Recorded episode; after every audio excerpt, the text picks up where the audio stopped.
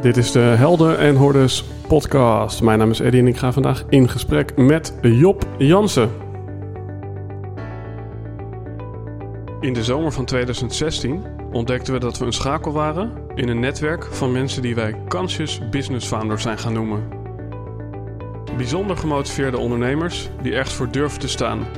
Ook als dat inhoudt dat ze daar alleen voor staan. Die 200% toewijding willen geven voor 1% groei en zeggen: Dit ben ik en dit is mijn bijdrage aan een meer gebalanceerde wereld. Helaas kon je niet bij al deze gesprekken aanwezig zijn. Daarom hebben we die bijzondere verhalen voor je samengebracht in deze podcast. We wensen je veel luisterplezier, maar belangrijker nog, we hopen dat jij de volgende stap gaat zetten in jouw avontuur.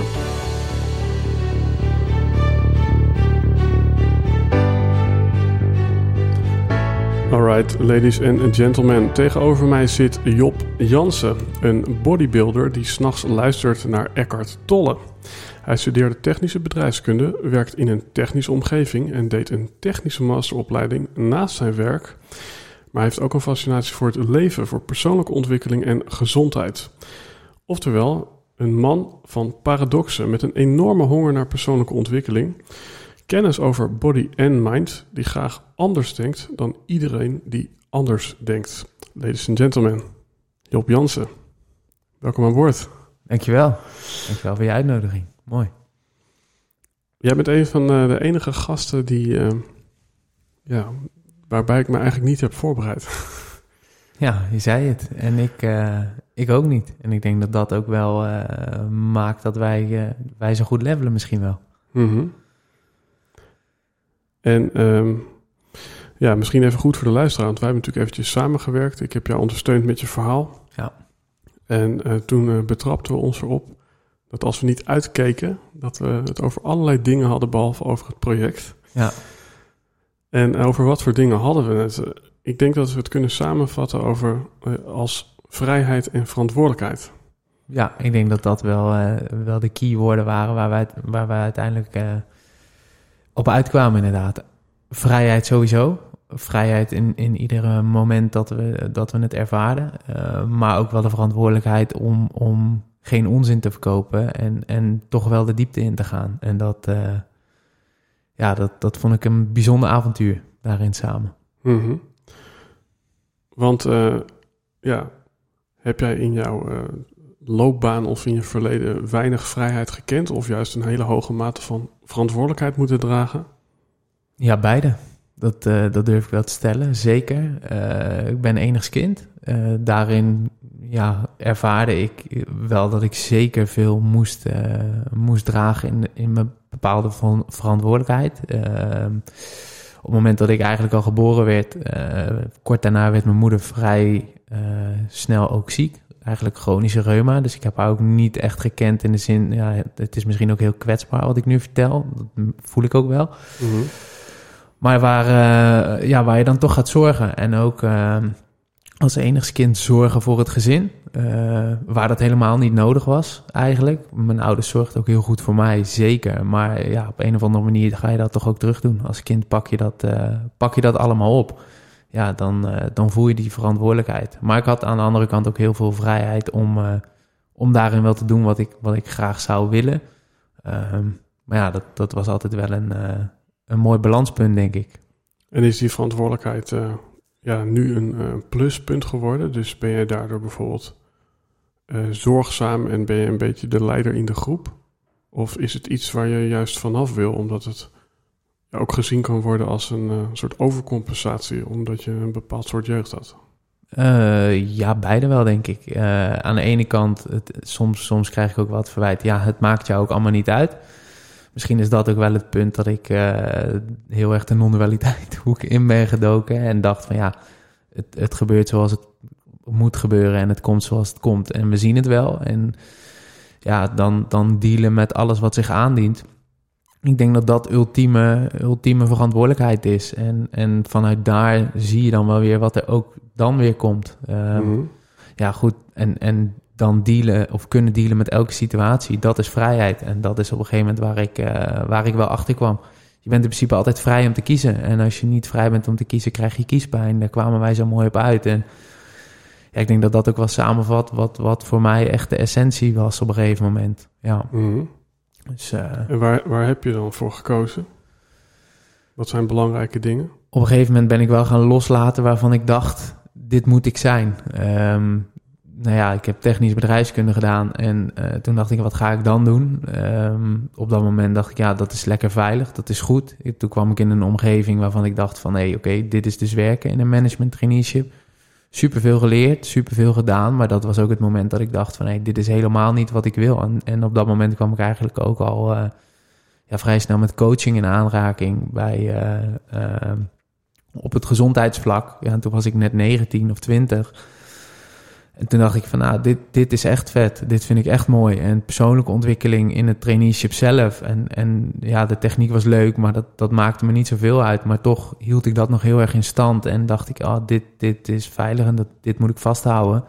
Maar op een gegeven moment was dat ook wel... eh, eh, zeker na een tweede studie naast het werk toen ik wel redelijk in elkaar klapte ook, zeg maar, was voor mij ook het moment dat ik dacht van, nou, ik, ik heb niks hoog te houden, dit moet ik niet meer doen.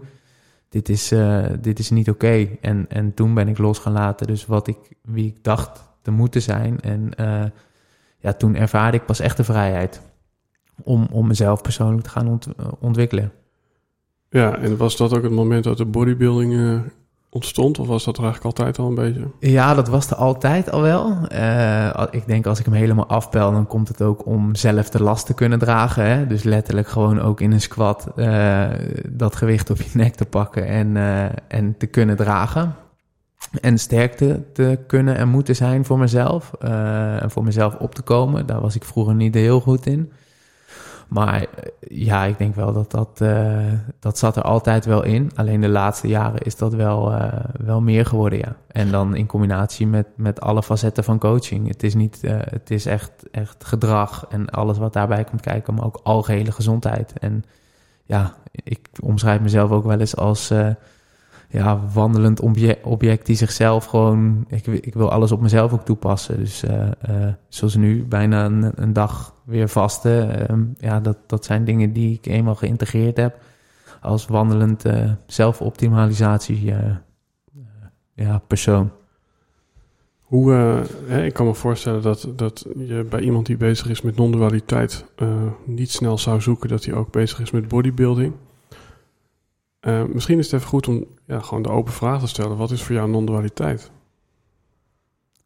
Het komt zoals het komt. En het kan nooit anders zijn dan dat het komt. En dat, eh, ik ben, het is de eenheid in beweging en daar geloof ik ook echt in. Eh, op die manier benader ik ook heel veel dingen van, nou ja, het, het is er. En, Maar wat en brengt die gedachte je dan? Rust, het loslaten van de controle. Ehm, ja, dat, dat ik niks moet. Dat, het gebeurt en dat ik dan denk van ja, dat zien we dan wel. En ook het niet druk maken over wat er wel eens zou kunnen gaan gebeuren. En, en Mhm. ja, vroeger eh, zat ik gigantisch in mijn hoofd. En je zou kunnen zeggen dat als je maar lang genoeg gaat loslaten, dan had jij net toen ik je een gemberkoek aanbood ook wel ja gezegd. Dat je, dus wat ik interessant vind is dat je het hebt over loslaten en dingen komen zoals ze komen. Maar vervolgens eh, bereik je plek X in Nederland op eh, bodybuilding. eh, eet je een hele dag niet onder het kopje vasten. Dus eh, ja, er staat een hoge mate van discipline tegenover een hoge mate van loslaten. Ja, ja, dat is een hele bijzondere paradox. Dat is dan ook wel weer hoe ik, hoe ik ben. Ik denk dat het uiteindelijk allemaal terug te leiden is naar, naar ultieme gezondheid. En dat ik gewoon het maximale uit mezelf wil halen met 100% energie. En, en dat ik dan echt ja, alles uitzoek wat, eh, wat kan werken op het gebied van biohacking of eh, bepaalde manieren van voeding en training. Ja. Als je bezig bent met maximale gezondheid, hè, ben je dan niet juist bezig met overleven in plaats van met leven?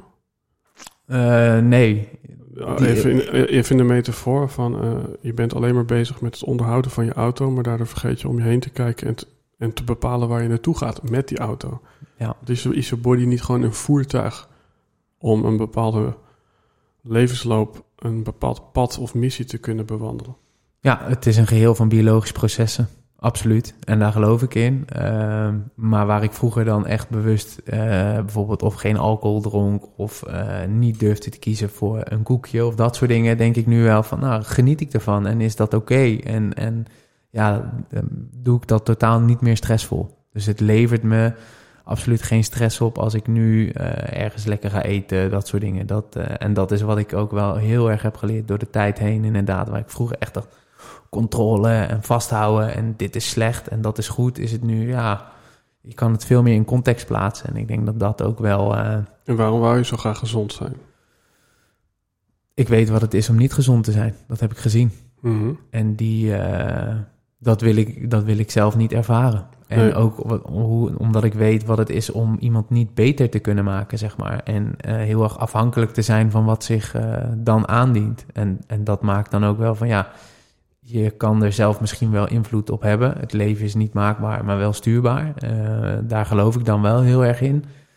Maar ja, dan de enige controle die je dan nog hebt, is, is wat je zelf in je mond stopt. Of uh, uh, wat, je, wat je doet bij jezelf, zeg maar. Je, bij jezelf thuiskomen in persoonlijke ontwikkeling en je eigen gedrag onder de loep nemen. Mhm. Ja, dat ben ik allemaal gaan doen. Ja, en daar ben je nooit in uitgeleerd. Dat vind ik schitterend. Wat leren mensen naast ja, goed voor hun lichaam te zorgen? Ook te kijken naar hun gedachtenpatroon. Kijken naar oh, wat, dient, wat dient zich bij mij aan. Wat, uh, wat wil mij dit vertellen? Word maar comfortabel met het oncomfortabele. heel simpel, stap eens onder een koude douche. Stap eens in een ijsbad. Of kijk eens naar welke gedachten opkomen. En, en dat is wat we vaak vergeten, denk ik. Helemaal ja, in de huidige maatschappij, waar het rennen, rennen, vliegen, vliegen is, vind ik het vooral zonde dat je, um, ja, als je, als je zelf niet kiest, worden de keuzes allemaal voor jou gemaakt. En dan, dan heb je op een gegeven moment ook verantwoordelijkheid om daarmee te dealen. En, en dan raak je steeds verder verwijderd van dat wat je eigenlijk echt zou willen. En dat vind ik echt zonde. Dus als je zelf niet kiest, dan worden de keuzes voor jou gemaakt. Maar ik hoor je eigenlijk zeggen dat de keuzes die je dan maakt vrij oncomfortabel zijn. Um, ja, dat kan. Want waar je kiest, verlies je ook altijd iets. Mhm. En alles kan, maar alles heeft een prijs. En, en dat is het ook echt. En maak dan die keuze ook bewust. En, en als je die keuze bewust maakt, dan uh, kun je ook vrede hebben met wat er niet meer, uh, wat er niet meer is. Mhm. En ja, goed, dan kunnen we natuurlijk twisten over vrije wil of niet. Mhm. Um, maar ja, dan uh, binnen het spel hier op de aarde denk ik wel van, nou weet je, dan moet je die keuze ook omarmen en bewust pakken. En, en niet kijken naar hoe het anders had kunnen zijn, want dat kan gewoon niet. Hoe, uh, ik noem maar even jouw vriendjes bodybuilder. Uh, hoe gaan die om met deze kant van jou? Zien ze die kant? Nou, ik denk dat dat best wel een, een onderbelichte uh, kant is. Dat dat, nou ja, de coach die mij in, in december heeft begeleid naar mijn, naar mijn wedstrijd toe destijds ik, ik zou niet zeggen dat die, dat die ook zo bezig is met gedrag en persoonlijke ontwikkeling en dat soort dingen. Maar het, het stond wel hoog, uh, hoog op het lijstje van hey, hoe is het algeheel, zeg maar. En, en hoe zit je erin? En natuurlijk, hè, je hebt dan echt een fysiek doel. Maar ik denk dat mensen die, die een bepaald doel nastreven in de sportschool ook daar echt wel mee bezig zijn. Uh, zijn topsporters altijd holistisch van aard? Nee, nee, absoluut niet. Nee, die hebben een doel en, en dat gaan ze halen. Uh, of dat willen ze halen. Aan de andere kant. Uh, ik kan me ook voorstellen dat je het doel juist haalt door holistisch te leven. Doordat je dus ook kijkt naar je gedachten, patronen, uh, naar je voeding, maar zelfs naar de relatie met je ouders en de motieven waarom je zo graag je doel wil behalen. Ja, dat denk ik ook wel. Aan de andere kant, ze hebben zo'n focus op het doel dat dat ook het doel het enige is wat ze zien. En ja, op het moment dat je een doel hebt en je gaat daar zo vol voor, dan, dan zie je daar omheen niks meer. Uh, een heel simpel. In december uh, zag ik niks anders dan een podium en mezelf in een zwembroek.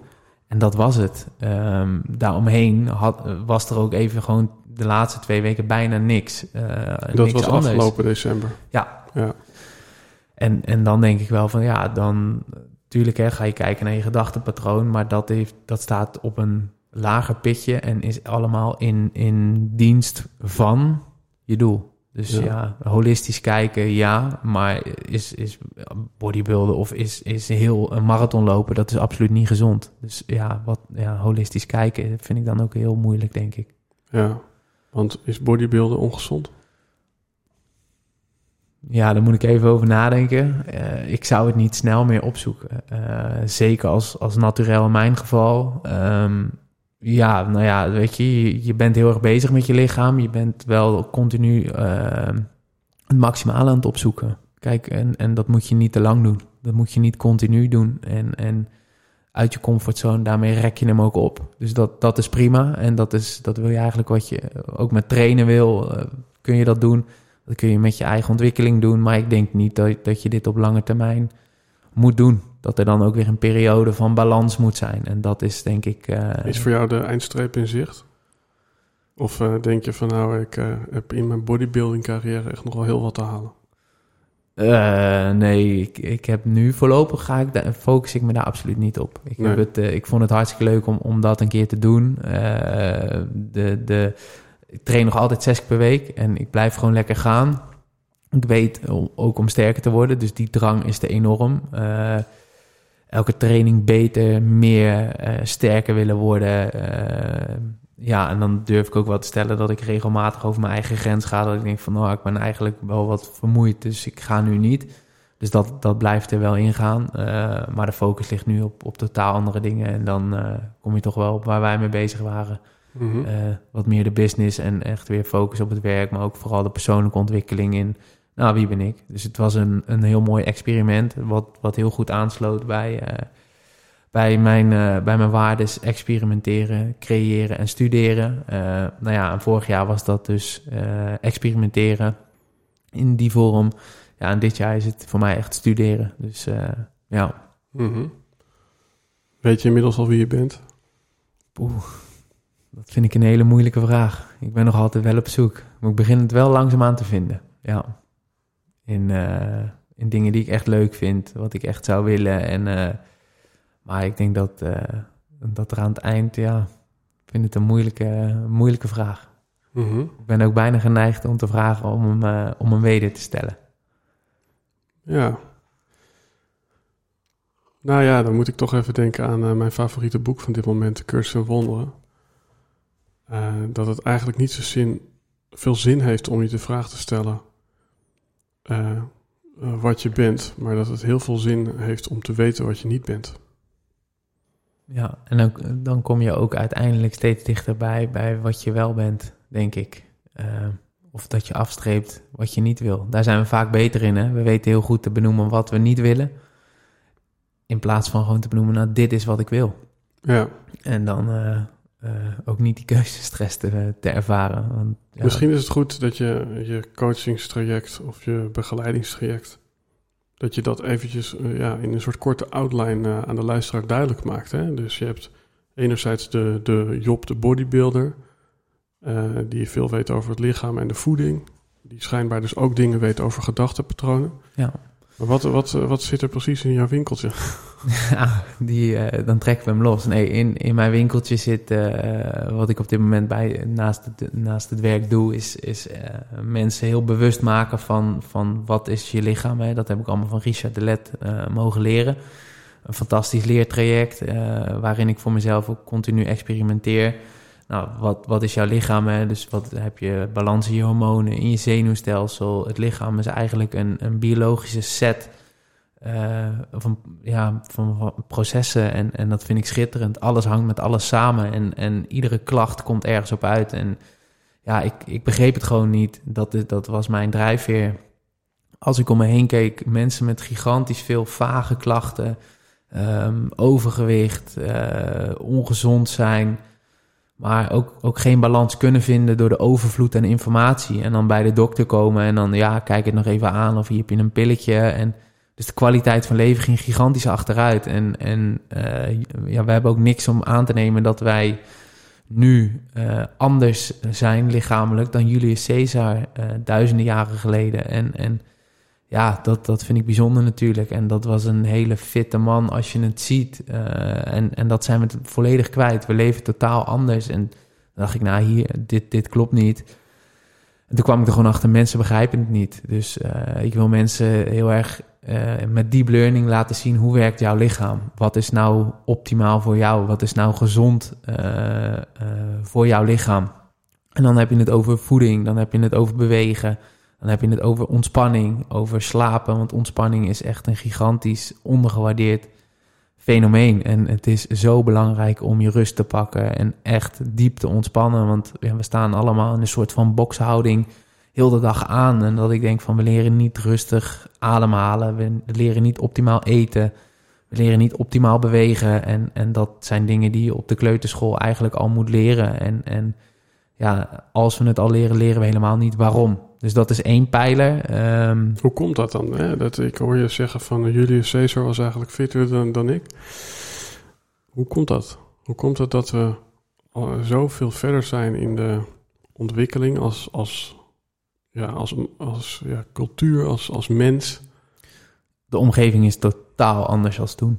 Dat is echt, ja, de, we, we zijn eigenlijk, uh, uh, we hebben Stone Age genen en we leven in een science fiction omgeving. En uh, ik, ik geloof dat ook echt. En ik, alles wat, wat e-, geëvalueerd is vanuit vroeger, heeft dus een functie in het lichaam. Alleen alles is dusdanig om ons heen geëvalueerd dat het ons nu tegen is gekeerd. Een heel simpel voorbeeld.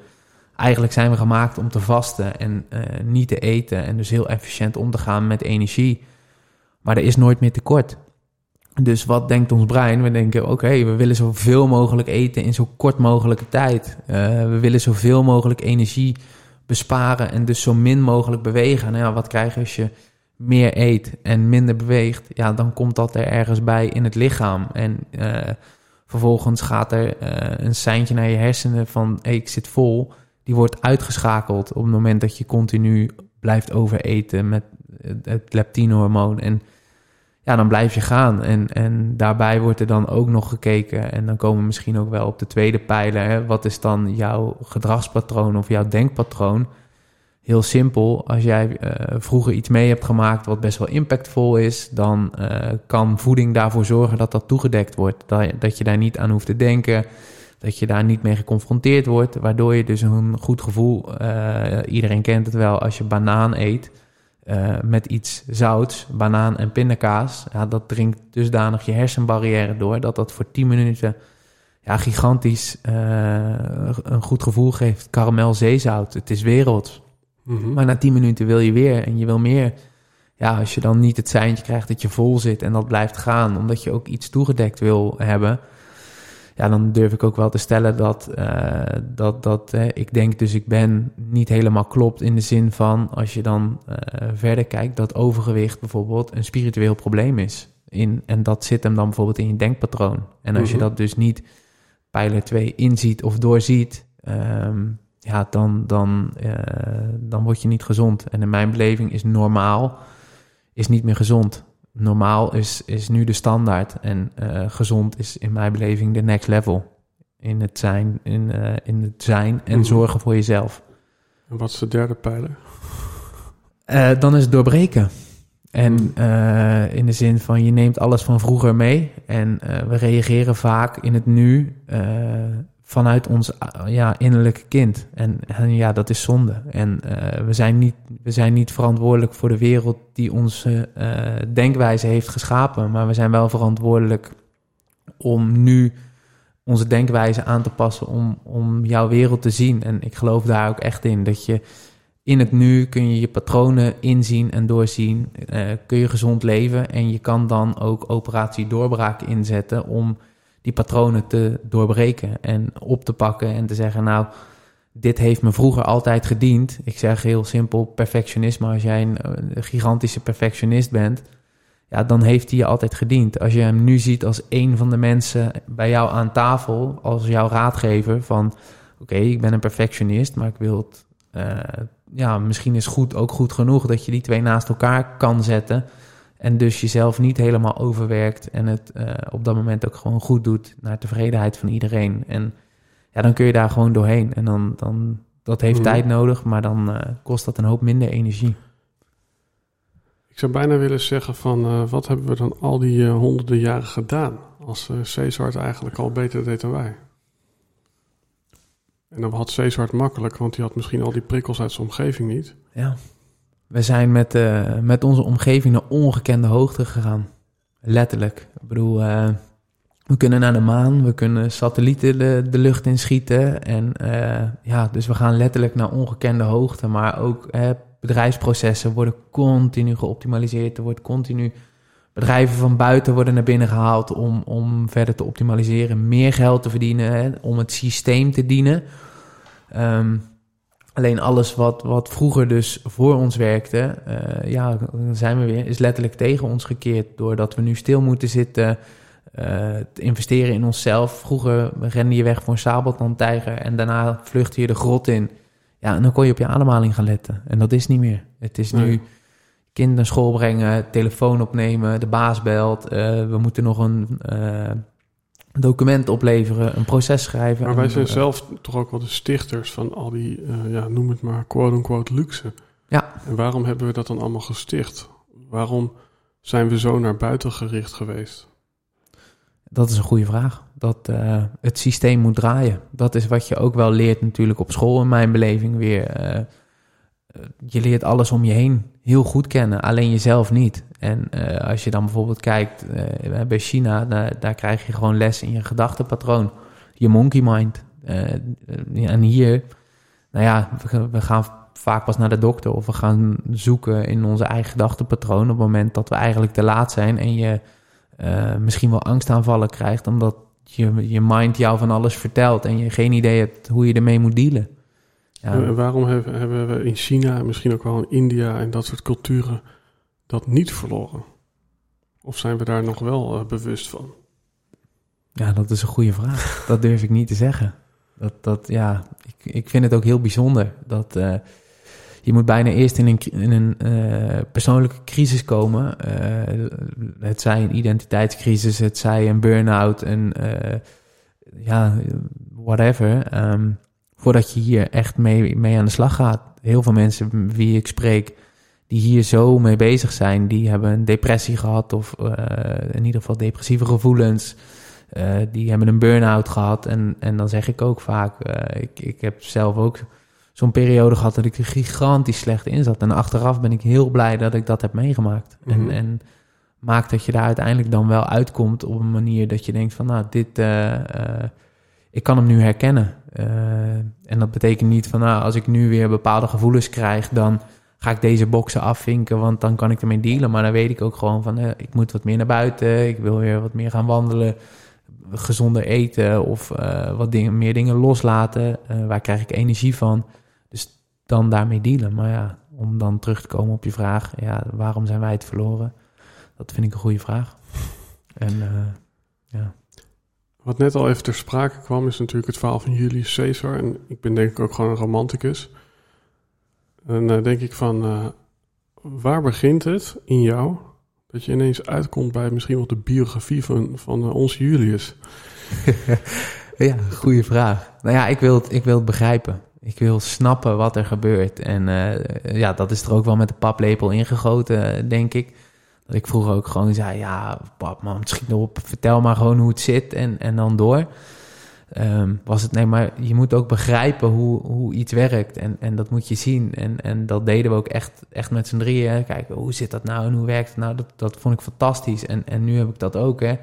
Uh, hormonale assen, HPA-as, HPT, HPG. Hoe zit dat nou en hoe werkt dat in het lichaam? Hoe gaat dat? En dan trek ik een doosje open en ja, dan, dan lees je ook de geschiedenisboeken. Ja, precies, want dat vind ik interessant. Het, uh, de relatie in, in geschiedenis en, uh, en, en daarin wetenschap. Hè? Want ja, ik denk dat ook heel veel mensen ja, de overtuiging hebben dat als het maar modern is en gisteren is uh, gezegd door een wetenschapper, dan, dan is dat de waarheid. Maar ik hoor jou refereren naar Julius Caesar, maar ik hoor je niet in dit gesprek, maar we hebben wel eens gesprekken gehad over oude mythes, zoals het verhaal van Parsifal. Uh, het verhaal van uh, misschien zelfs uh, ja, Disney-verhalen van heel vroeger. Ja. Hoe, hoeveel wisten we eigenlijk al? En, en, en wat heeft voor jou de, de meerwaarde om de geschiedenisboekjes er letterlijk en figuurlijk bij te pakken? Ja, gigantisch. In dat opzicht ben ik net een archeoloog. Ik duik alle boeken in. Ik vind alles interessant. En ik denk dat alles er ook dat alles er ook al was. In, is het in een mythe en, en later kwam daar natuurlijk de wetenschap bij. Ik ben zelf ook wetenschappelijk opgeleid en dan moet je alles aantonen. Maar uh, nou ja, heel simpel, corona, uh, wetenschappelijk wordt dat best wel aangetoond, hè, dat dat er is. En uh, laten we het hier alsjeblieft nu niet over hebben. Maar je ziet nergens, het wordt wel van een bepaalde manier ingestoken en het wordt toch op een bepaalde manier geframed. En ik denk dat dat ook de wetenschap is. Kijk, op het moment dat het, dat het heel spiritueel wordt en, en moeilijk tastbaar, dan haken veel mensen af. Wordt het heel erg wetenschappelijk, dan is het ja, het is onderbouwd en punt, daarmee af.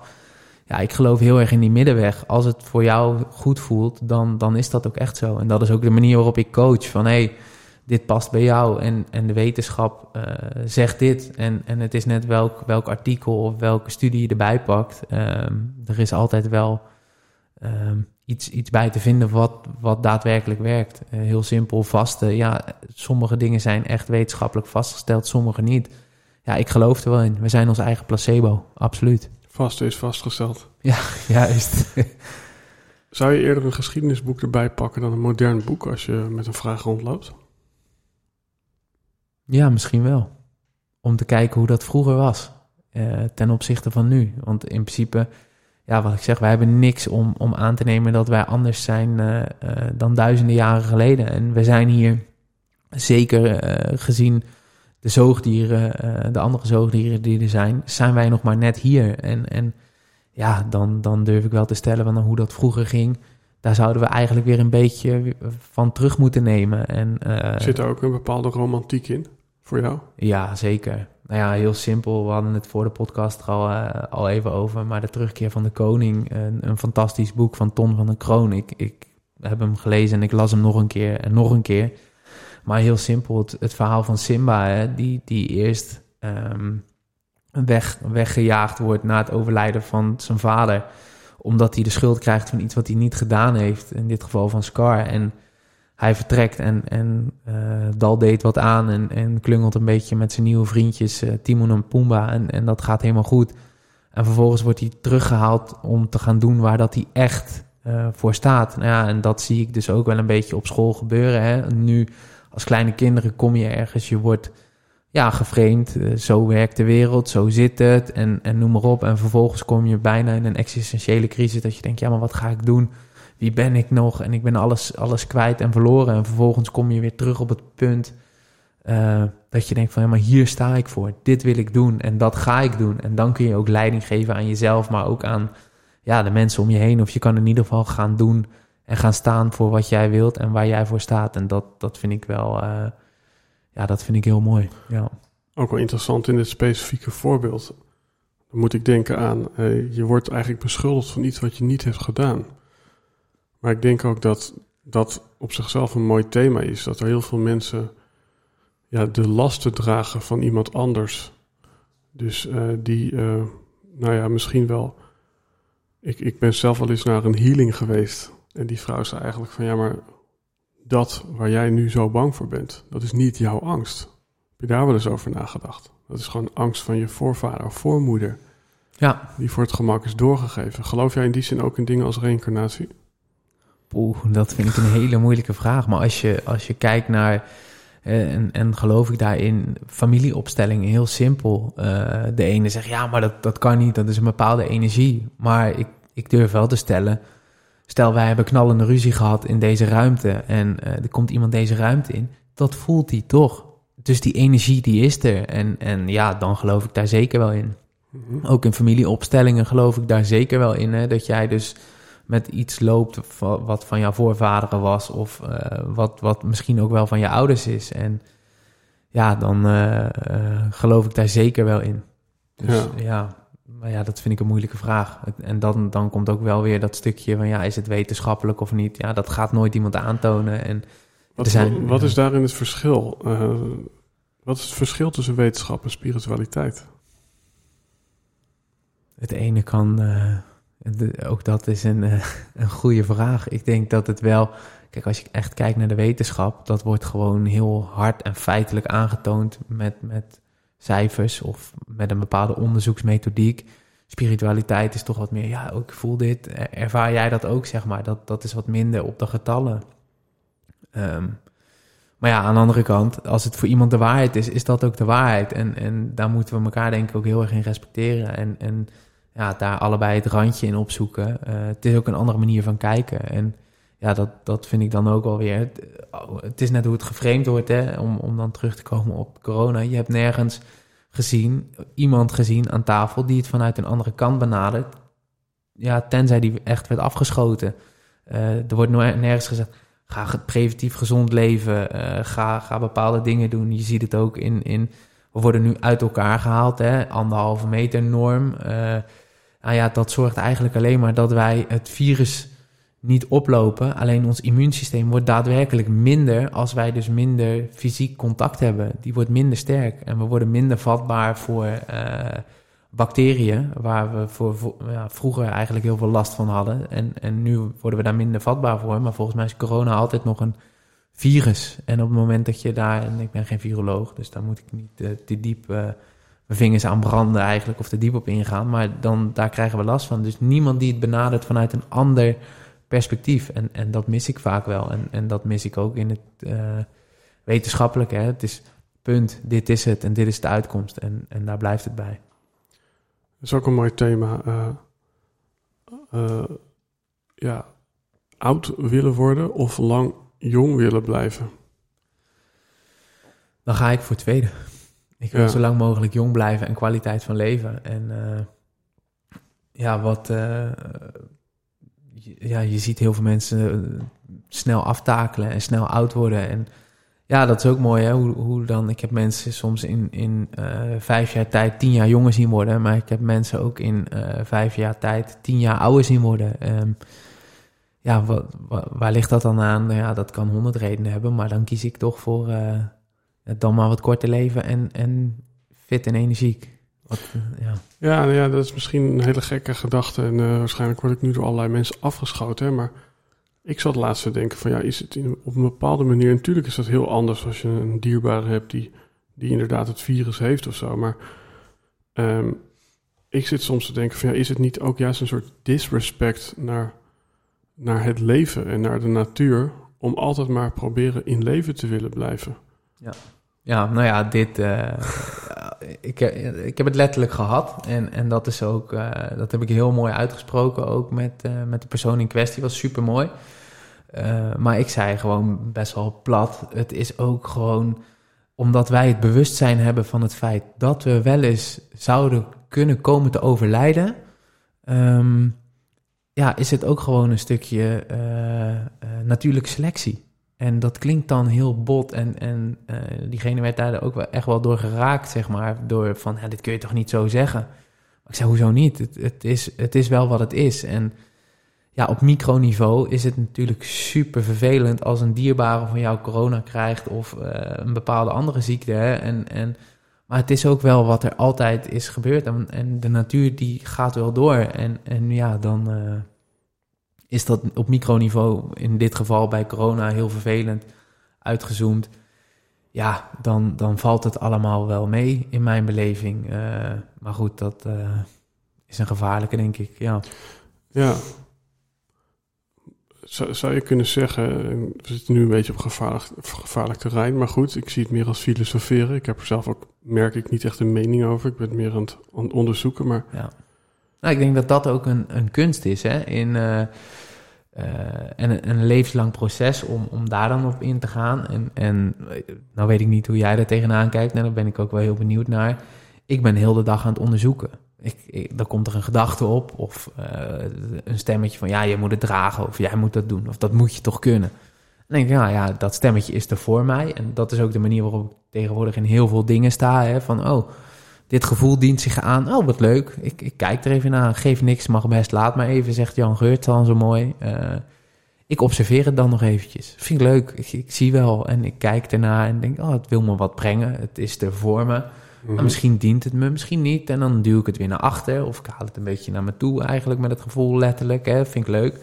Maar ik denk dat dat ook, ook wel maakt dat je een bepaalde rust voelt. Van nou, ik, ik onderzoek het en ik heb er geen mening over. En het is goed. En ja, dan weet ik niet hoe jij er tegenaan kijkt, maar het geeft misschien ook wel een bepaalde rust. Van, uh, ik onderzoek gewoon wat er is. Ik vind het prima.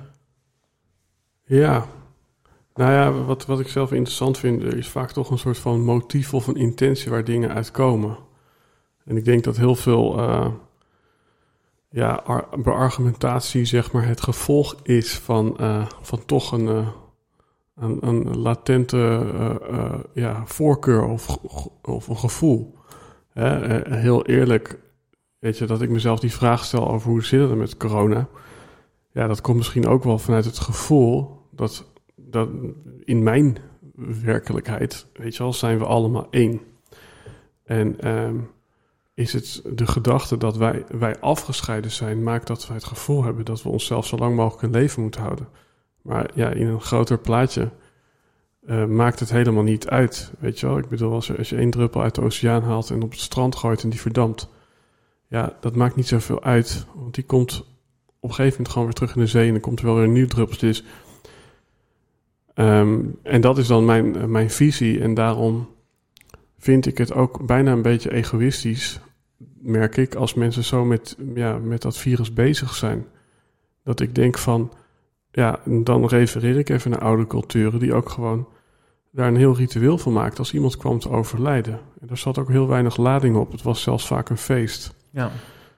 Ja, en je hecht er dan ook uh, misschien niet minder waarde aan, maar je hecht wel minder waarde aan van, oh ja, weet je, ik vind dit en het is prima. En als iemand anders iets anders vindt, dan denk je ook van, nou, dat is ook oké, weet je. Je respecteert dat op een bepaalde manier uh, heel erg, terwijl sommigen denken, ah, ik ga er ja. vol tegenin en gestrekt been. En ja, super mooi als je op deze manier, denk ik, erin kan staan. Maar en, ik denk dat eerlijkheid ook is dat als het mij of iemand die heel dicht bij mij staat overkomt ja, dan is dit een mooie filosofie. Ja. maar dan vraag ik me af of ik kan ook zeg... oh joh, nou ja, it's the way things go. Uh, leuk dat je er was, joh. Uh, dit was je tijd. Maar hoe, hoe, helder ben je dan, hoe helder ben je dan ook hè, in, in je denken? En ik denk dat dat ook gewoon een hele mooie is. Uh, op, op wat basaler en makkelijker niveau als het werk bij mij de overhand neemt en het wordt uh, gigantisch druk. En dan merk ik ook aan mezelf van, oh, ik moet toch even weer de tijd nemen om de boel te observeren in, in, en eventjes gewoon te mediteren eigenlijk, zeg maar. Om echt even te gaan zitten. En al is het maar vijf minuten, toch weer scherp krijgen van, oh ja, wat ga ik doen? Wat, wat ben ik zelf aan het doen in plaats van maar rennen en doorvliegen en, en, uh, en maar doorgaan. Ik denk dat dat ook gewoon een ding is van wij denken dat wij onze omgeving maken. En dat doen we ook wel met ons kijken. Maar de mhm. omgeving maakt ons ook, absoluut. Ja. Wat ik ook een interessante paradox vind, is dat waar we het net over hadden, is van ja, we kunnen proberen zo lang mogelijk met z'n allen in leven te blijven. Maar voor het totaalplaatje is het misschien ja, maar de vraag of dat wel zo belangrijk is en of dat niet ja, een beetje egoïstisch is. Maar hoe verhoudt dat zich tot ja, zo lang mogelijk gezond willen blijven?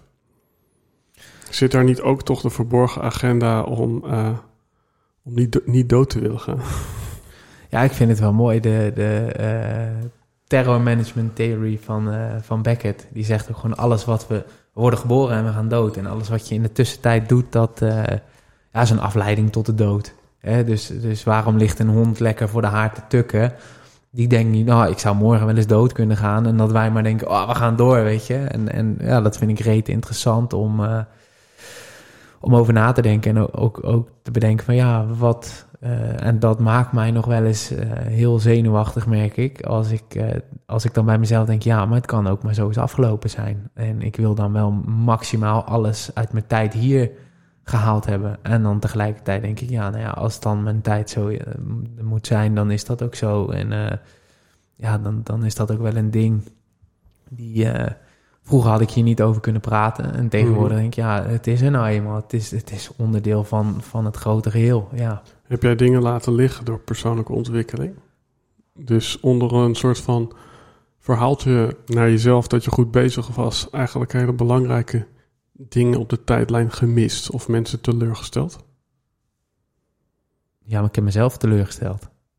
In... Mm in vaker nee moeten zeggen. Of uh, zeggen, hey, nee, dit, dit is het niet. Uh, het was altijd de ander tevreden houden. En als ik hem voor mezelf afpeil, dan is dat, ja, weet je, als enig kind, vroeger op de camping, zie ik mezelf wel staan, zeg maar. En, en als ik dan niet aardig was, dan ja, sloot ik mezelf buiten. Of dan, dan had ik geen vriendjes. En ja, wat, ik, wat ik dan merk, is dat ik mezelf buitensluit. Dus dat is ook mijn gedragspatroon, hè waar ik uh, echt weerstand kan voelen om, om in contact te komen met iemand. En dan denkt iemand, hey, ik had een superleuk gesprek met Job en super tof en uh, we hadden echt contact.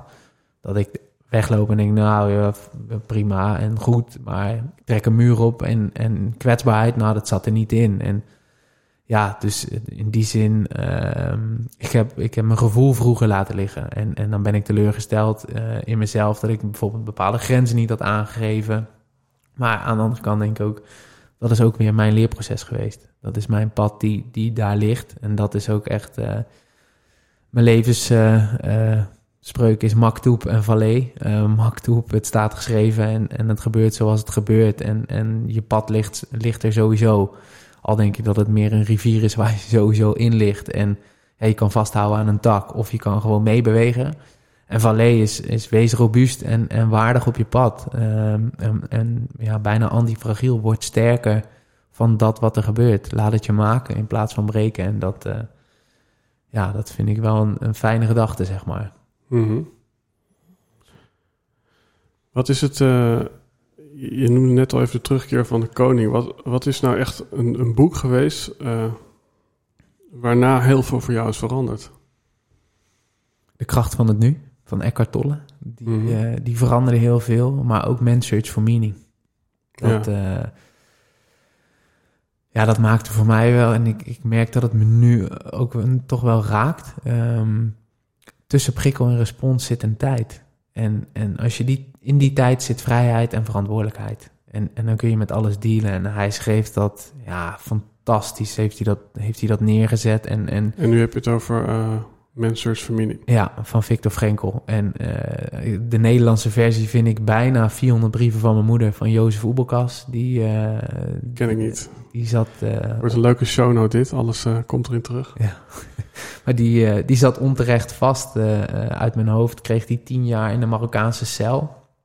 Um, hij heeft uiteindelijk zes jaar gezeten en, en hij, had, hij kreeg elke keer brieven van zijn moeder. En, en op een gegeven moment werd, zei hij ook van ja, ze kunnen mijn vrijheid afpakken, maar niet de vrijheid in mijn hoofd. En, en dan pak ik het daar. En, en dat is wat, wat Victor Frankl in Man's Search for Meaning ook schrijft. Van in de Tweede Wereldoorlog werd hij naar Auschwitz gebracht en ja, hij, hij zette daar zijn werk als psycholoog eigenlijk voort. Hij, hij ging observeren wat daar gebeurde met mensen en wat, wat dat deed, maar ook wat dat voor zichzelf deed. En, en daar schreef hij op een gegeven moment ook op van...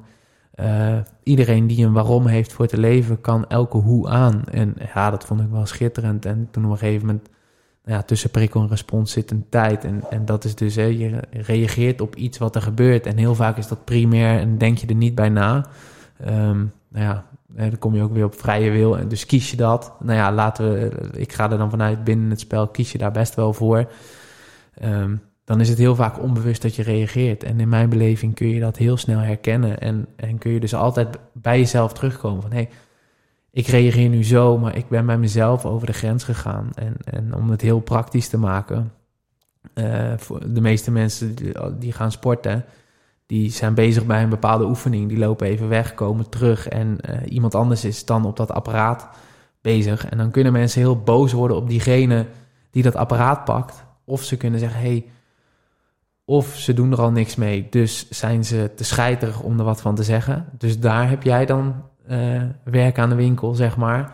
Of uh, je wordt boos en dan, je, dan had je bij jezelf kunnen denken van... ja, maar wat had ik eraan kunnen doen dat ik dus ja, weer op dit apparaat had kunnen gaan zitten door er een handdoek op te leggen. Dus je hebt altijd ergens jezelf tekort gedaan, waardoor je boos wordt op de ander. En dat vind ik een -hmm. heerlijke gedachte, dat je het altijd bij jezelf kan zoeken. En dat je altijd bij jezelf thuis kan komen en te raden kan gaan, hé, hey, waarom gebeurt dit nu en waarom reageer ik zo? En dat, uh, dat is wel lekker. De ouderwetse tot tien tellen. Ja, letterlijk, ja. eigenlijk wel. En, en dan ook nog voor jezelf bedenken. Maar die ruimte krijg je niet meer. Het is allemaal ja, de, de, de matrix. Hè. Ik wil gisteren gezond. Ik wil het liefst eergisteren 20 kilo al kwijt zijn geraakt. En uh, daarnaast wil ik ook nog uh, een supergoeie baan, want we willen alles. Ja, dat mm -hmm. kan niet. Waar put jij het vertrouwen uit? Hè? Want uh, ik denk dat bodybuilding ook een duur sport is. het duurt even voordat je resultaat ziet, om het zo maar te zeggen. Als je het al ziet, want als je jezelf iedere dag voor de spiegel ziet, dan kun je ook nauwelijks Weet je, als, als ik mijn neefje zie, die ik een, uh, wij spreken een paar maanden niet heb gezien, dan kan ik ineens zien, hé, hey, die is een centimeter gegroeid. Maar als het je kind is en je ziet hem iedere dag, dan zie je het misschien niet. Dus hoe, um, waar ja, haalde jij het vertrouwen vandaan? Of uh, de motivatie vandaan om, ja, zonder dat je misschien heel duidelijk resultaat en vordering zag, toch iedere dag zes dagen per week naar de sportschool te gaan? Door het bij te houden. Ik hou echt bij. Ik kan je precies vertellen wat ik drie jaar geleden uh, voor training heb gedaan. Heel toevallig. 31 december 2017 stuurde ik mijn toenmalige coach. En die was uh, 150 kilo aan het squatten. En dat deed hij vrij makkelijk. Toen zei ik, ja, ik, het is niet normaal. Als je dat kan, ah, dan ben je echt een koning. Dan, dan ben je echt een topper. En van de week toevallig uh, zat ik de oude hoeren met een vriend. En, en die zegt, joh, uh, maar joh, even serieus. Vier sets, tien herhalingen, 151 kilo squat. Weet je nog, toen ja, toen heb ik dat bericht, die had ik ook nog echt in mijn WhatsApp staan. En die heb ik toen ook naar mijn toenmalige coach gestuurd. Van, yo, ik stuurde toen dit en nu doe ik het zelf heel makkelijk. Uh, dus ik hou altijd bij, uh, maak ik progressie en zo niet. Ga ik ook zoeken, hey, hoe kan dat? Hoe zit dat? Uh, ik wil altijd verbeteren, optimaliseren. Ja, en in het begin, als je sport leuk vindt, dan blijf je gaan dan dat, dat maakt dat je begint. Maar op de lange termijn komt het niet aan op, uh, uh, omdat je het zo leuk vindt. Uh, maar om, het is een gewoonte geworden. Je wil beter worden en dan ga je niet meer sporten, maar dan ga je trainen. En, en blijf je gaan. Sneeuw, regen, kou, je, je blijft maar is gaan. Het, is het antwoord op volhouden, is dat meten? Onder andere, ja, meet je progressie. Dat geeft uiteindelijk weer motivatie. Ik denk ja. het gewoon beginnen vervolgens kijken of dat je beter wordt. Dat zorgt weer voor nieuwe motivatie. En in die loop blijf je gaan. Want je kan nog zoveel motivatie hebben. Um, ja, in, in mijn begeleidingstrajecten zelf merk ik het ook heel vaak. Oh, ik heb zo super veel motivatie, blijf gaan. En na twee weken kakt het helemaal in. En dan, ja, wat is het? Ja, ik heb geen motivatie. En nou ja, totdat ze resultaat beginnen te zien of te merken na een x aantal weken, uh, fysiek en mentaal. En dan is het weer gas geven. Ja, dat, dat is werelds natuurlijk. Maar ja, soms heb je die springplank dan even nodig. Ja. Mm -hmm. want, dus, want dat lijkt toch wel een beetje voor heel veel mensen het probleem op dit moment. Hè? Uh, Tibor die zegt, uh, ons grootste uh, vijand is op dit moment geen tegenslag, want we hebben weinig kindersterfte, oorlog of honger. Maar ons grootste ja, vijand is verleiding. allerlei devices die ons de hele tijd uitnodigen om nog wat langer op dat device te blijven hangen. Ja, en ook ik denk inderdaad verleiding. Verleiding om andere dingen te doen ten opzichte van wat je daadwerkelijk zou willen. Heel simpel. Um, ik ga het liefst, nou ja, nee, dat, dat is helemaal niet waar eigenlijk. Maar ik denk dat heel veel mensen het liefst op vrijdagavond naar de kroeg gaan. in plaats van de zaterdagavond of zaterdagochtend trainen. -hmm. um, of dat de meeste mensen niet de tijd in, in een business willen steken of in hun werk willen steken, waar anderen dat wel doen. En dan zien ze wel het resultaat, want mensen willen wel het resultaat, maar niet de effort, de instoppen die je daar eigenlijk in zou moeten stoppen, weet je wel. En ja, dat is een bewuste keuze, denk ik, die je, die je moet maken. Alleen waar heel veel mensen niet, niet voelen dat ze kunnen kiezen. Um, ook ook uh, een heel simpel voorbeeld in een begeleidingstraject waar, waar mensen op een gegeven moment zeggen: ja maar ik, ik voel niet, uh, ik, ik kan nooit pauze nemen. Nou ja, volgens mij wel. Je kan gewoon zeggen, nou weet je, even niet. Ik ga nu een kwartiertje wandelen en ik zie jullie wel weer. En, en er is niemand die tegen je zegt, nou dat mag je echt niet doen. Dat, dat geef ik je op een briefje. Maar toch voelen we, dus we zetten onszelf ook echt in die kooi. En, en de drempel is altijd waar dat je zelf staat, maar dat geloof ik ook echt. Dat, uh, dus ja, ja, daar heeft Tibor zeker gelijk in. Ja. Wat is op dit moment jouw grootste drempel, uh, helden en hordes? Mezelf. En echt, echt nog meer deur, door te durven pakken. En een bepaalde bewuste keuze te maken. Ja, mm -hmm. dat, uh, want het voelt ook allemaal nog wel veilig. Ja. Dus, uh, en dat daadwerkelijk uitspreken. En, uh, maar daarbij is denk ik ook wel, wel een enorme horde van mij kopingsmechanisme meer willen weten. Ben ik daarin wel goed genoeg? Ik bedoel, van de ene seminar naar de ander, van de ene uh, opleiding naar de ander, nog een boek lezen. Dat was nog ook, een boek Richard lezen. zei ook zoiets. En dan, kan je ook, ja, dan ga je ook bij jezelf nadenken. Jeetje, als, als Richard dat zegt, weet je wel. Die man die weet echt zo ongelooflijk veel. Ja, bij jou heb ik dat gevoel ook, maar dan moet ik toch denken aan Brian Tracy. Die zei van iedereen die vindt dat hij inefficiënt is, is gemiddeld gezien 10% in, uh, efficiënter dan de rest van de bevolking. Ja. Want anders stel je jezelf die vraag niet. Ja. Nou ja, dat, ja, en dat is er sinds vroeger al ingegoten. Ja, Als ik thuis kwam een zee, waarom heb ik geen acht? ja, Een acht, geen negen. En een onvoldoende was eigenlijk ook, eh, nou ja, als het maar van geleerd werd. Maar En- en dat is een, ja, En weet je waar je dan meer over wil weten? Nee, Of is het gewoon meer weten? meer weten. Ja, Ja. dus dat is ook wel hoe het nu is, hè. kopen en meer, meer, meer. Eh, aan de andere kant, eh, ik, ik ben al heel blij dat, dat ik op een gegeven moment wel de keuze heb gemaakt. Ik ga dit doen en ik ga hiervoor staan. Eh, nou ja, en, en waar er dan tien, waar je tien mensen aanspreekt, vinden 50 mensen het ook helemaal bagger. En die denken, joh, wat is dat? Nou, dat is ook goed. Die zitten op hun pad en dat is prima. Dus er, er overheen stappen van het nog meer willen weten en het zeker weten, want wie ben ik om een ander dat te zeggen? Ja, het is een heel groot voordeel, waardoor je dus ook heel veel weet en eh, al heel veel hebt gedaan. Eh, aan de andere kant, ja, blokkeert het ook nog wel eens. Ik eh, was laatst op bezoek bij mijn opa. En die las een boek. En dat was een cursus in wonderen. En hij zegt, ja, dit is echt een te gek boek. En eh, gaat er helemaal in op, hè? een man van 93. Totdat mijn moeder mij eraan herinnerde dat hij tien jaar geleden dit boek ook helemaal eh, van eh kaf tot kaft heeft gelezen. En toen kwamen we er eigenlijk ja, achter dat het gewoon allemaal verloren was gegaan, die kennis. Hij was gewoon vergeten, ja, noem het dementie, maar hij wist gewoon niet meer dat hij dat boek gelezen had. En toen trok dat ook wel een beetje een wissel op mij, omdat ik dacht van ja, hoeveel heeft deze man gelezen? Dat is echt niet normaal. Eh, zijn meubels zijn zelfs gebouwd van boeken. En dan heb je het over lezen en leven, wat ik wel eens zeg, over het implementeren van kennis. Ja. Maar ook van het waarom überhaupt kennis, als dus blijkt dat wij biologisch gezien op een dag misschien alles weer vergeten zijn. Ja, en dan, dan kom je op een kwestie van hebben of een kwestie van zijn. En dat vind ik wel een, eh, een hele mooie. Eh, Erich Fromm, wereldsboek. Maar dat, gaat, ja, dat is echt van oké, studeer je en leer je om meer kennis te hebben. En eh, die kennis dus over te dragen van kijk eens hoeveel ik weet. Of doe je er daadwerkelijk wat mee? En ehm, ik denk dat ik een paar jaar geleden heb ik wel die switch durven en kunnen maken van oké, ik heb nu zoveel gedaan, zoveel geleerd en ik weet heel veel, maar ik doe eigenlijk heel weinig. In de zin van, ik weet hoe je moet trainen, ik weet hoe je moet eten, ik weet hoe je met gedrag om kan gaan, ik weet hoe je stress moet managen, ik weet hoe je moet ontspannen, maar ik doe het nog te weinig. En, Mhm. en toen dacht ik ook van, oké, maar wat vind ik dan echt belangrijk? Studeren en experimenteren. Ik wil het ook zelf toepassen, Ja. ik wil het ook zelf weten. Ik wil zelf ervaren wat er, wat er gebeurt als je X of Y doet. Of als je met je gedrag aan de slag gaat. En ja, dan, dan wil ik het echt zijn. Ja, want in die cursus in wonderen staat de enige functie die ik heb, is de functie die mij gegeven is. En dat vond ik een hele mooie, omdat ik wel eens de vraag heb gesteld, wat wil er via mij tot uiting komen? Dus met andere woorden, er komt iets door jou heen, alsof je een radio bent, een soort medium en iets wil via jou naar buiten. Ik heb zelf ook een keer gezegd, je nulwaarde is je meerwaarde.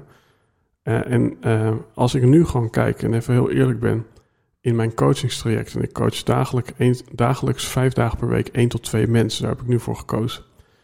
En het valt me op dat eigenlijk alles wat ik in de coaching doe, ook wat ik bij jou heb gedaan, wat ik met woorden doe, dat is mij gegeven. Toen ik mijn boekje schreef, enkele zinnen over dubbelzinnigheid, toen ging ik nadenken, hoe is eigenlijk zo'n zin opgebouwd? En toen kwam ik erachter, ja, ik heb zelf dit boek nooit gelezen. Net zoals dat Eckhart Tolle de kracht van het nu niet las, op het moment dat hij eh, ja, daar lag aan de kant van zijn bed. En ik denk dat Jezus ook de Bijbel nooit heeft gelezen. Dus de vraag is eventjes van, hebben we het überhaupt wel nodig om al die dingen te weten? Diep van binnen weet je het. Daar ben ik van overtuigd. Dus wat is een boek voor jou? Wat is de functie van, van, van een boek voor jou? Misschien ook wel het, het toedekken of nog meer bevestiging willen hebben in, eh, in je kopingsmechanisme of in, eh, in je eigen overtuiging van je tekortkoming.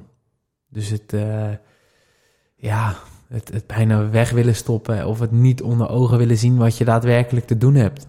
Ja, En dat, ja, dat is wel, eh, als je er zo over nadenkt, is dat best wel een pijnlijk ding natuurlijk. En maar wat je zegt, soms, soms komen dingen gewoon tot uiting. En ja, dat is bij mij ook een hele andere manier van het, het eigenlijk ook het grote plaatje bekijken. Zoals, zoals niet, niet heel veel mensen dat, dat doen in een coachingstraject voor mensen. Hè? Dus echt inzicht en vrijheid geven aan, aan iemand op, op en in een situatie of ehm, in een manier van gezond willen leven. En uh, ja, dan, dan daarin ook heel bewust de, de keuze aan de mensen laten van hé, hey, maar laten we gaan doen wat goed is voor jou. Dus eigenlijk wat ik zelf heb gemist door het troebel worden hè, op school of uh, van nou ga dit maar doen, want dat is veilig. Ten opzichte van nou wat heb ik hier daadwerkelijk te doen en daar dan Mhm. voor gaan staan. En dat nu ook naar mensen brengen van hé, hey, vanuit 100% gezondheid kijken we wat, wat voor jou werkt en, en hoe het bij jou past. En, en daarmee aan de slag gaan. Dus ja, dat op kleine schaal ben ik daar Ja. wel mee bezig. Dat is mooi. En is een boek, eh, volgens deze eh, theorie van ons nu, is een boek daarin een spiegel? Of is een boek meer dan dat? Laat een boek dus zien waar je staat? Of laat je een boek ook zien waar je kunt komen? Ik denk een beetje van beide. Je leest wat aansluit bij jou. En dat maakt ook hè, dat je met sommige mensen wel een connectie hebt en met anderen niet. Soms kun je bij iemand aanhaken en bij de ander totaal niet. Of andersom.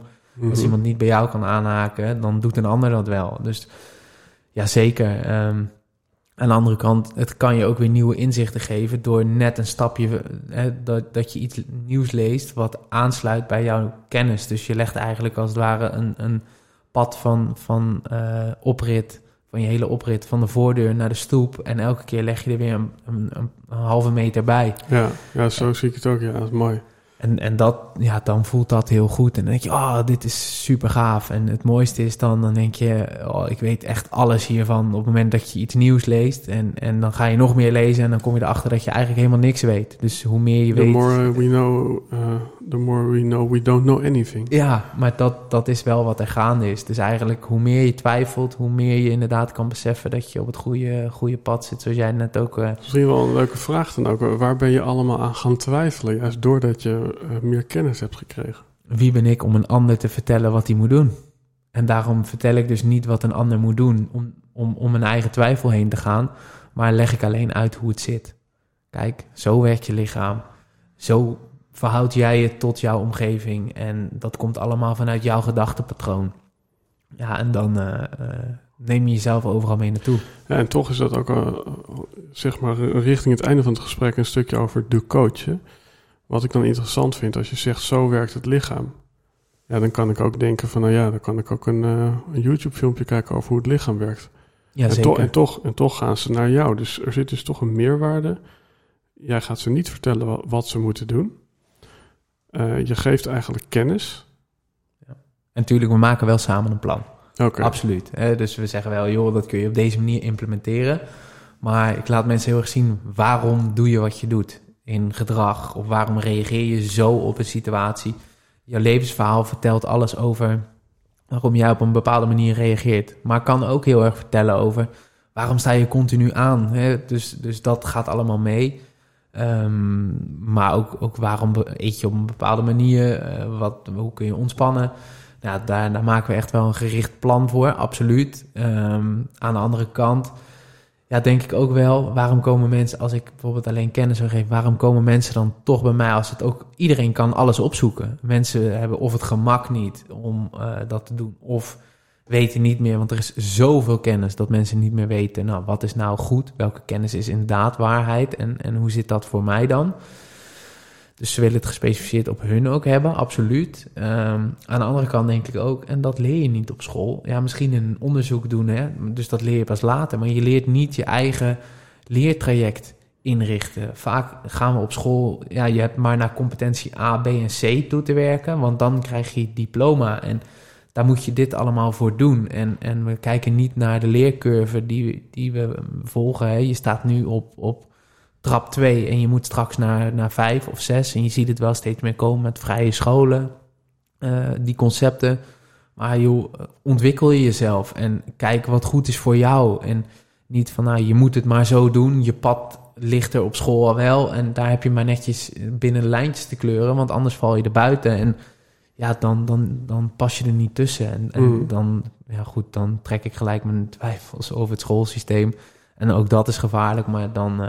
Ja, ik vind het wel interessant, hè? want waar we het nu ook over hebben, dat is wat we in de marketing ook zien, het pad van verleiding.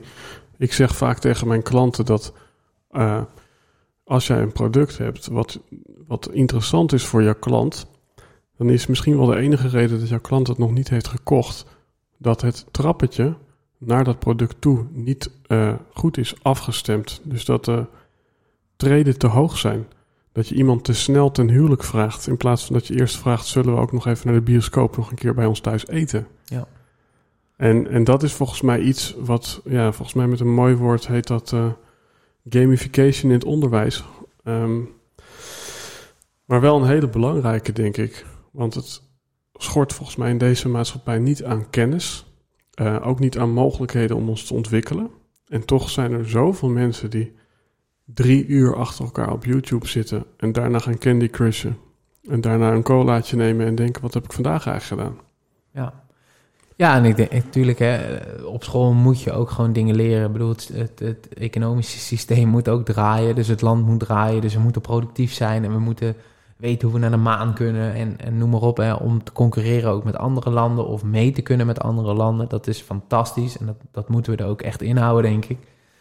Aan de andere kant moet je denk ik ook kinderen de ruimte en de vrijheid geven om een eigen leerproces in te richten. Door te checken van, oh ja, hoe haal ik adem? Oh, ik, ik voel me nu wat gestrest. Wat, wat kan ik hiermee doen? Wat kan ik hier tegen doen? Of, dus dat ze continu bij zichzelf kunnen inchecken van, nou, wat gebeurt er? Wat is er nodig? En op die manier dus hun eigen leercurve echt uh, vormgeven door in te checken.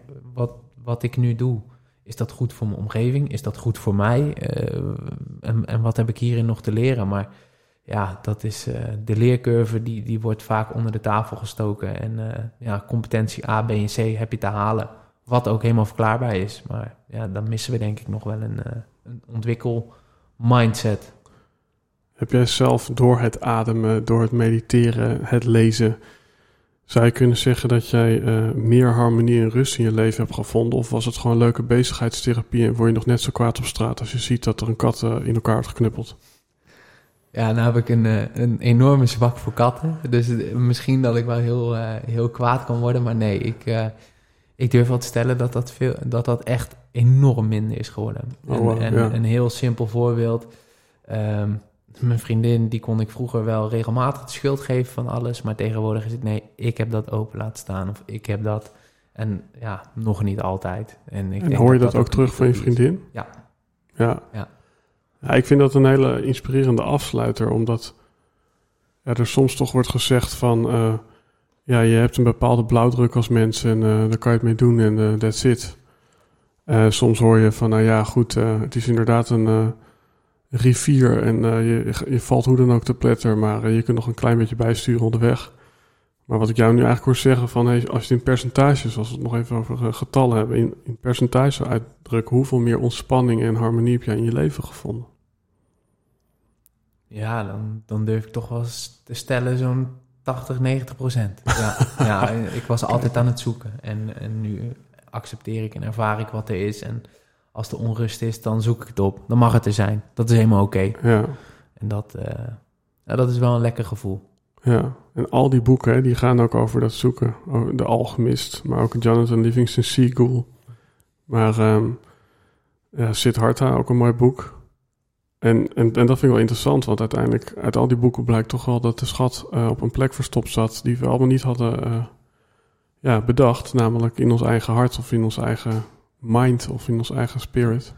Ja, dat zeggen ze ook zo mooi, hè? De langste afstand, of de, de, wat is het? De, de, weg die het langste duurt is uh, die van 30 centimeter, van je hoofd naar je hart. En, en dat heb ik ook wel de afgelopen tijd mogen leren. Dat, ja, ik was afgescheiden, ik zat alleen maar in mijn hoofd en alleen maar theorie en techniek. En nou ja, nu, uh, nu voel ik ook wel weer wat het is om die eenheid te zijn. En, Ja. uh, uh, ik denk dus ik ben, nou dat is het niet. Ik, ik geloof dat lichamelijke sensaties uh, echt ervaren, doorleven. Ja, dat, dat voelt heel goed. Maar ook ik, ik, ervaar, ik ervaar dus ik ben. Ja, dat absoluut. En Siddhartha, thuiskomen bij jezelf. Alles zit in jezelf. En ik denk dat dat, dat, dat ook de essentie is. De reis. Geniet van Mhm. de reis. En stel je niet per se een doel, want dan mis je een hele hoop om je heen. En eh, dan leer je niet dusdanig veel als dat je zou willen leren. Ja, mooi.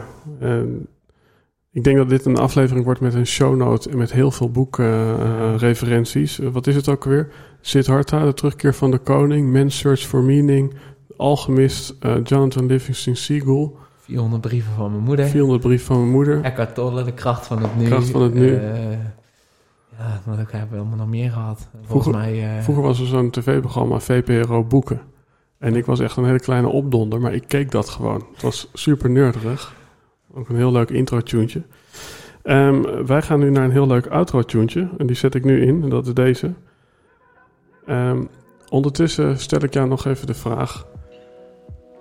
Als jij een uh, groot billboard langs de weg uh, kon zetten... met erop één boodschap naar al je volgers... naar alle mensen die een volgende stap willen zetten... nou meer harmony in body and mind. Wat zou dan de boodschap zijn die je erop wil zetten? Het maakt niet uit wat er om je heen gebeurt, maar je hebt altijd de keuze om te kiezen hoe jij reageert op een situatie. En daar ligt je vrijheid. Tof man. En is er dan één link, één plek waar je de luisteraar naartoe wil verwijzen? Dan uh, ja, naar mijn Instagram denk ik uh, @jopa3 of joptimaal.com. Goed man. Hey, uh, ik vind het echt super tof dat we elkaar hebben ontmoet. Jij werd in eerste instantie klant van mij, maar we zitten nu hier in de vorm van een podcast. ik heb onze sessie wat onwijs tof gevonden. ik zie ook een soort vriendschap ontstaan, een soort broederschap. Dus dat kan ook allemaal gewoon gebeuren in tijden van corona. En, we zaten op afstand, maar we kwamen dichtbij. Mooi. Ja, hoe, hoe raak je iemand op anderhalve meter afstand? Nou, Onder andere door een aflevering zoals deze. Dus uh, daar heel erg uh, hartelijk dank uh, voor. Ja, jij ook bedankt.